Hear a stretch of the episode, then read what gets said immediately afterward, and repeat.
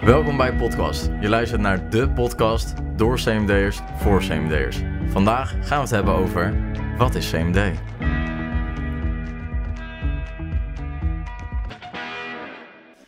Nou mensen, welkom uh, bij de allereerste podcast van uh, Podcast. Ik ben Daan. Willen jullie misschien ook even voorstellen? Ik, ik ben, ben Nathalie. Oh, tegelijkertijd.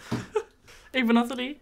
En ik ben Robert. Oké, okay, top. Nou, uh, eerste aflevering hartstikke spannend. En we gaan het vandaag hebben over wat is CMD? Um, misschien leuk om te beginnen met wat onze ervaring was voordat wij met CMD begonnen. Dus hè, hoe zijn we bij deze studie gekomen? Misschien Nat, misschien dat jij even wil vertellen hoe jij uh, bij deze studie bent gekomen. Ja, bij mij is het eigenlijk een beetje...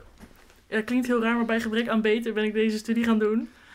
Ik was eigenlijk te laat voor alle inschrijvingen en deze inschrijving kon nog. En ik dacht, ik wil wel iets creatiefs. Ik denk, nou, ik ga dit maar doen. Ja.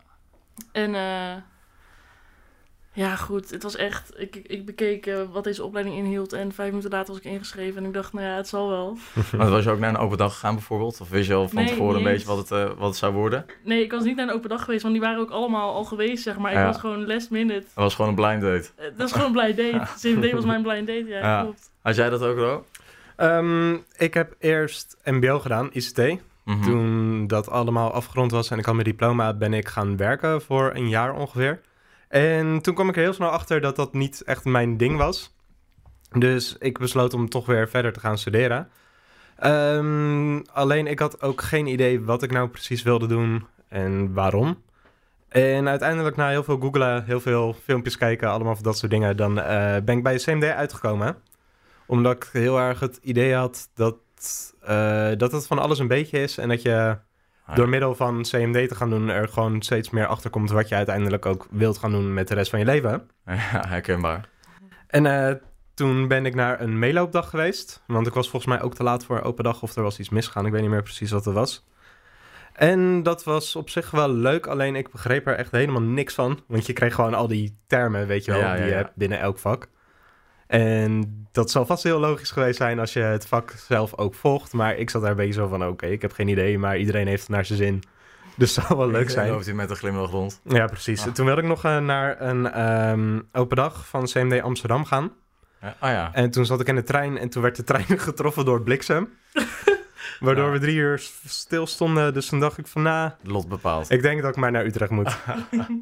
Oh ja, lachen. Ja, ik, uh, ik had een neef die deze studie deed. En ik vond het wel gaaf, want hij ging wel eens met ons mee op vakantie. En toen was hij daar aan het photoshoppen en video editen. En was helemaal bezig met creatieve dingen. Ja, ik, ik was in die periode ook bezig met dat soort dingen. Dus ik was ook aan het editen en photoshoppen met allemaal gecrackte versies op mijn oude laptop die helemaal die programma's niet aankon. En ik, ik weet nog wel dat ik iets heel erg creatiefs zocht. Want ja, ik ben uh, vanuit natuur een beetje altijd wel creatief persoon geweest ja, ik ben gewoon naar de open dagen gegaan, inderdaad, ook Utrecht en Amsterdam. Echt wereld van verschil, alle twee super. Maar ik, ik voelde mijzelf dan toch meer in, het, in de huid van Utrecht zitten en dan ben ik naartoe gegaan. En uh, nou, ever sinds uh, super naar me, enorm naar mijn zin gehad. Want uh, is het zeg maar voor jullie de, wat jullie ervan verwachten? Of tenminste, hè, we zijn allemaal op een bepaalde manier hier ingestapt. En nu zitten we er een tijdje in. Heeft het aan jullie verwachtingen voldaan, zeg maar? Bij mij denk ik enigszins wel of zo. Tenminste, ik was niet op zoek naar een studie waar ik hele dag in de boeken moest zitten. Want ik weet gewoon dat doe ik niet en dat kan ik niet. En ik heb wel het idee van. Eigenlijk als ik naar. Ik zit nu in mijn derde jaar. Ik heb volgens mij één of twee tentamens gehad in die drie jaar. Dat ik echt denk. Welke andere HBO heeft zeg maar geen tentamens. Het is gewoon alleen maar projecten en zeg maar, het is echt heel erg doen. Maar vind je, vind je het makkelijker? Want ik heb wel soms dat mensen het gevoel hebben dat omdat wij geen tentamens hebben, dat in één keer joh, makkelijk is. Of van oh, dan hoef je dus helemaal niks te doen. Jij doet de studie, je hebt maar twee tentamens in één jaar. Dat je denkt van nou. Nou, wij zijn wel zeg maar in die zin constant bezig en ook gewoon. Wij maken ook gewoon veel uren daarin, zeg maar. Je bent met een project bezig en het is niet dat je daar uh, de eerste paar weken niet voor aanwezig kan zijn of zo. En je merkt gewoon, dan mis je gewoon wel ja. veel. Ik denk dus niet dat wij op een ochtendje kunnen... Ja, het gebeurt ook wel eens natuurlijk. Maar het is niet dat wij op een ochtendje kunnen zeggen van... joh, ik uh, skip een college, want ik heb even geen zin of zo. Bij ja. mis je dan gewoon meteen wel... Mm -hmm. En het respect van je leraar en gewoon je kennis. Ik had heel erg in het begin dat als ik aan iemand vertelde dat ik CMD uh, deed of ging doen... Eh, dat ze meteen zaten van, oh, pretstudie, dit, dat, lekker makkelijk. Gewoon af en toe een paar dingetjes doen, niks aan de hand. Alleen, ja, op een gegeven moment ging ik dat er zelf ook al gewoon een beetje geloven. Als dat het enige is wat je hoort, dan denk je, ja, oké, nice, Ja. het is feest. Maar nee, eh, wat je al zei, je bent gewoon constant dingen aan het doen. Je hebt heel veel van die projecten waar je gewoon acht weken mee bezig bent. En als je één week niks doet, dan heb je zo'n enorme achterstand in één keer. Absoluut. Dat je eigenlijk vaak al verloren bent. Dus nee, die verwachting was eigenlijk helemaal niet wat het Ja. was. Ja, je ziet het soms ook bij bepaalde vakken dat als je het dan niet haalt, hè, je hebt de competenties aan het eind niet behaald, dat, eh, dat je het hele eh, project op, gewoon opnieuw moet doen. Want het is niet zeg maar in één toets of tentamen te beoordelen. Je moet gewoon een heel proces langs. En dat gaat echt van begin naar hoe, hoe begrijp je iets en hoe heb je jezelf in een situatie gezet dat je het hele, hele situatie begrijpt. En hoe ben je jezelf achteraan gegaan om de doelgroep te spreken en, en om de opdrachtgever nog even beter te begrijpen. En om echt na te gaan denken van oké, waar liggen de problemen nou echt? Weet je wel, Meer mensen Ja. weten altijd van nou, mijn probleem ligt hier.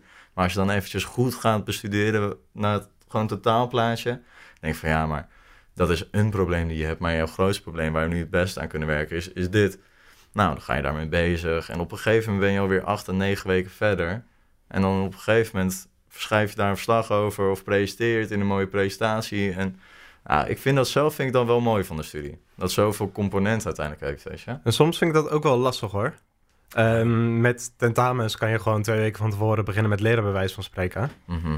En ja, nee, je moet nu wel echt die 8, 9, 10 weken constant bezig blijven. Ja.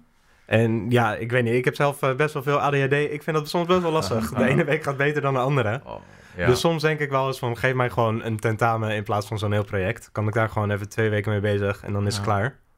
Zou je maar- ook de- dat gevoel hebben, zeg maar, ehm, aan het eind van je studie? Wanneer je dan terugkijkt naar alles wat je hebt gedaan? Dat je Ja, als ik nu van, terugkijk, dan is dat denk ik voor... Het is denk ik vooral zo'n het gras is altijd groener situatie, weet je wel? Ja, precies. Je wil toch altijd hetgeen wat je niet hebt, wat anderen wel hebben. Mhm. Dus ik denk dat als er nu, stel wij krijgen volgend blok opeens twee tentamens, dan ben ik er ook vast wel helemaal klaar mee meteen. ja, precies. Ja, in die zin is het ook, weet je, misschien is het voor ons ook een pretstudie, omdat misschien de meeste CMD'ers ook niet echt houden van veel tentamens of iets, weet je wel. Ik denk ja, voor andere mensen die niet houden van hele dagen toch creatief bezig zijn, is dit denk ik een hel van een studie. Ja, ja absoluut. Je hebt heel veel verschillende soorten mensen natuurlijk. Ja, Je hebt echt mensen die willen gewoon lekker naar een boek staren Ja. en, en lekker aantekeningen nemen en op een gegeven moment het tentamen invullen. Maar ik denk dat wij allemaal een beetje in onze aard hebben van, joh, we willen, we willen dingen maken. We willen er eenmaal in zitten. ja, mooi. Mhm. ik denk niet dat je gemiddelde CMD'er de hele dag achter een boek moet zetten. Nee, Ja. ik denk dat ook bij heel veel studenten, of althans dat heb ik van heel veel medestudenten gehoord, dat dat voor hun ook een reden is om uiteindelijk dit te eh, gaan doen, of Ja. om eh, hiermee te beginnen. Eh, puur omdat ze dus inderdaad niet de hele tijd achter die boeken wilden Ja. zitten en alleen maar wilden leren en alleen maar ja, textueel dingen maken, weet ik veel. En je, neer, je leert uiteindelijk enorm veel. Want je kan jezelf natuurlijk in allemaal soort situaties zetten waardoor je toch dingen leert. Ik bedoel, hè? met deze studie kan je ook de boeken ingaan als je zou willen, maar je kan ook langs allemaal tentoonstellingen gaan. Of gewoon alleen maar in de bioscoop zitten en alles bestuderen als jij dat leuk vindt. Ik, ik, ik Of vind een dat... podcast maken. Of een podcast maken. Of een podcast maken. Geweldig. Ik heb altijd het gevoel met CMD dat alles wat je leert, dat het een soort van stiekem gaat.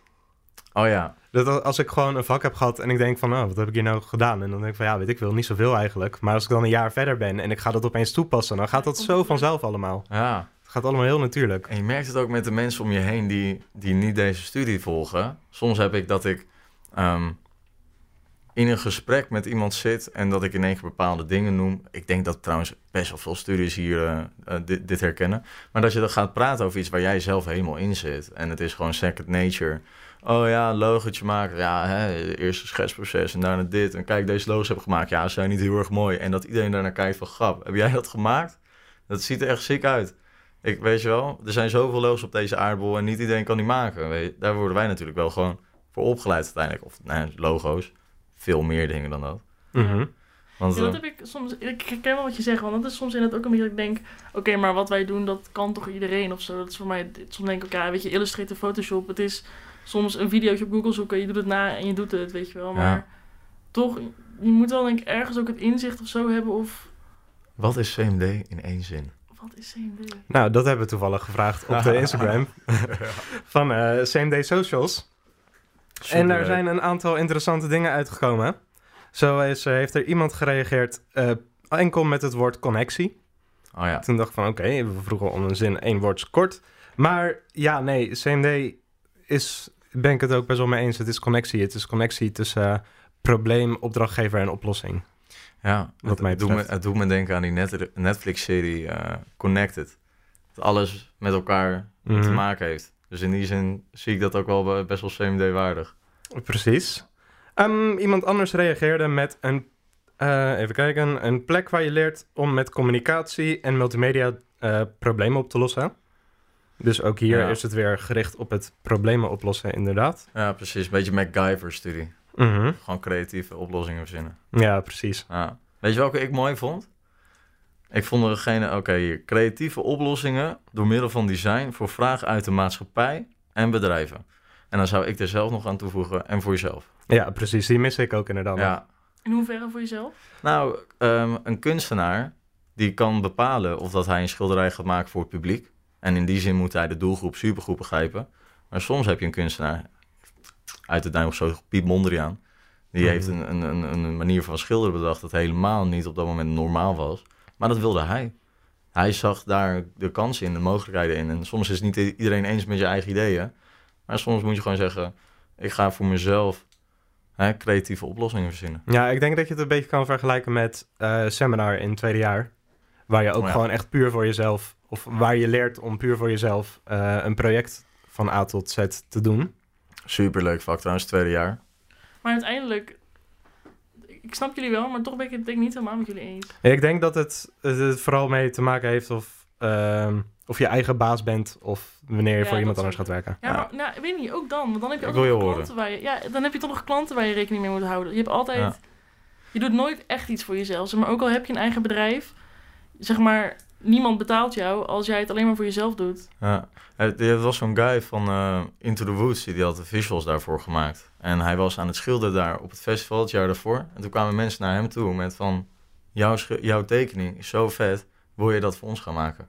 En ik vind dat in die zin is het echt mooi dat als jij gewoon zo Ja. erg je eigen stijl hebt ontwikkeld... dat bedrijven en hè, festivals naar jou toe kunnen komen met de vraag van... hey, kun jij voor ons neerzetten wat jij maakt? We willen een deel van jou in ons ontwerp zien. En dat vind ik ook wel vet. En in die zin denk ik echt je, je eigen stijl creëren.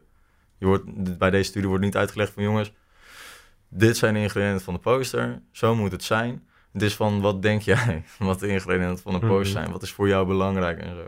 Ja, Nee, maar ook als ik nu kijk naar de dingen die ik zelf maak en die ik dan bijvoorbeeld voor school maak, dat zijn wel echt twee hele andere dingen. De dingen waar ik het meeste reacties op krijg altijd zijn mijn stomme Instagram greenscreen filmpjes.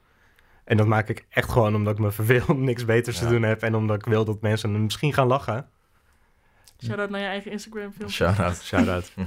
Nee, maar ehm, dus nee, ik, ik vind wel dat je heel veel dingen bewust of onbewust toch wel echt voor jezelf doet. Ja, maar deze studie is natuurlijk ook wel heel erg veel gericht op... Hè, uiteindelijk gaan we het werkveld in. Hm? En dan gaan we inderdaad wel echt voor bedrijven werken. Mensen komen met opdrachten, die, die voeren wij ook gewoon uit. Precies. En, eh, en heel veel maatschappelijke issues die wij eh, proberen te verwerken in onze projecten.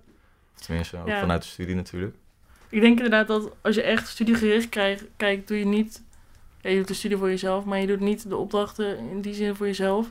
Maar ik denk wel dat je door CMD wel gestimuleerd wordt om buiten de studie, zeg maar, dingen in dit vakgebied te doen voor jezelf. Ja, precies. Ja, je, laten we even zeggen, het eerste jaar, hè? Je begint met een soort van de basics. Je hebt die storytelling basics, je hebt humanities, eh, hè, van zet jezelf in situaties dat je gewoon lekker veel ziet en jezelf kan inspire- inspireren. En ehm, hoe, wa- wat is een probleem en hoe ga je met doelgroepen praten? Weet je? Wat zijn de scopes die je langs gaat om ehm, eh, de blikken van andere mensen te vangen? En het is wel allemaal een soort van hè, formule om ergens te komen. Maar het is uiteindelijk ook heel erg wat jij van die formule maakt en hoe jij dat uit gaat voeren.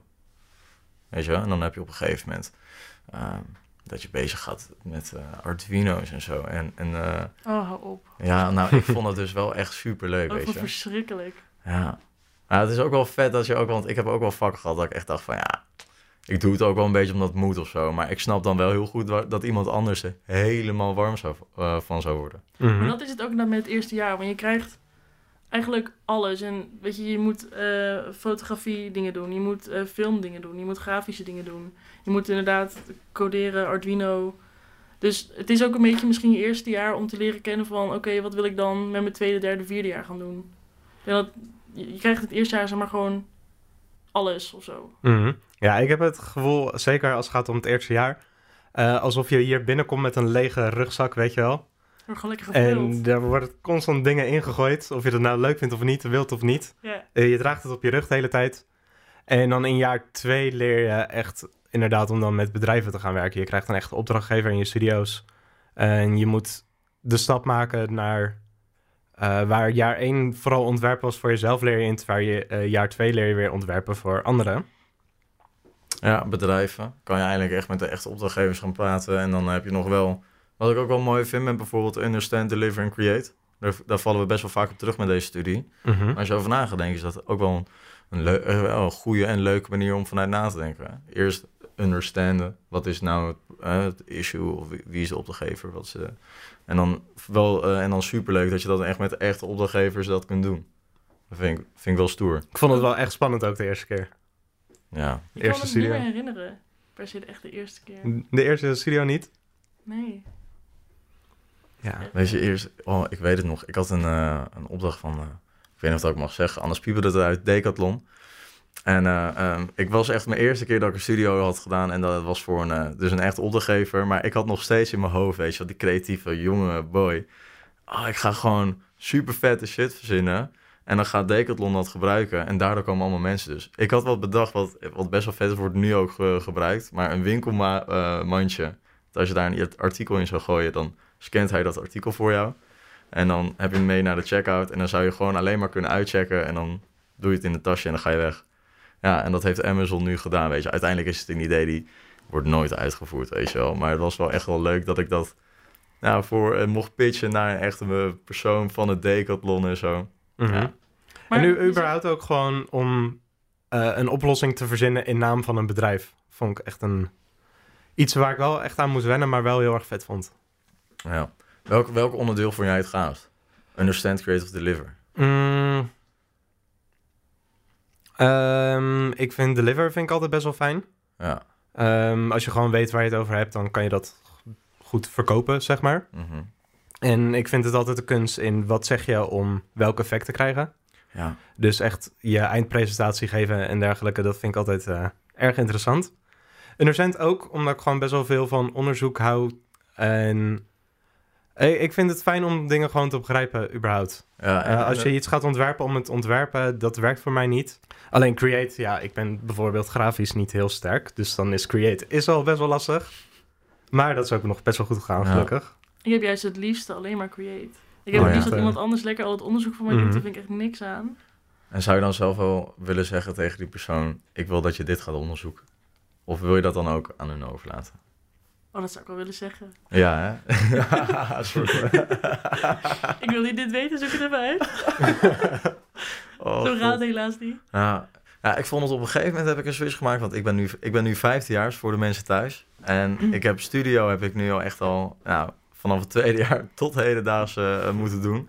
Heel vaak. En in het begin vond ik het nog wel eens lastig om te zeggen van... Oké, ja, dat understand, ik snap het. Maar ja, weet je, hè, ga toch kijken of dat ik maar gewoon zo min mogelijk kan doen.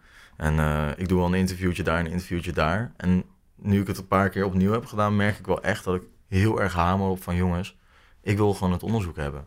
Want ik wil gewoon weten dat wanneer ik iets ga presenteren, dat ik gewoon weet wat ik zeg. En dat het niet is gebaseerd op mijn eigen gevoelens en Ja, en emoties. dat dat klopt. Maar dat, gewoon, dat ik gewoon weet, van nou, als je het zo uitvoert, dan werkt het beter dan dit.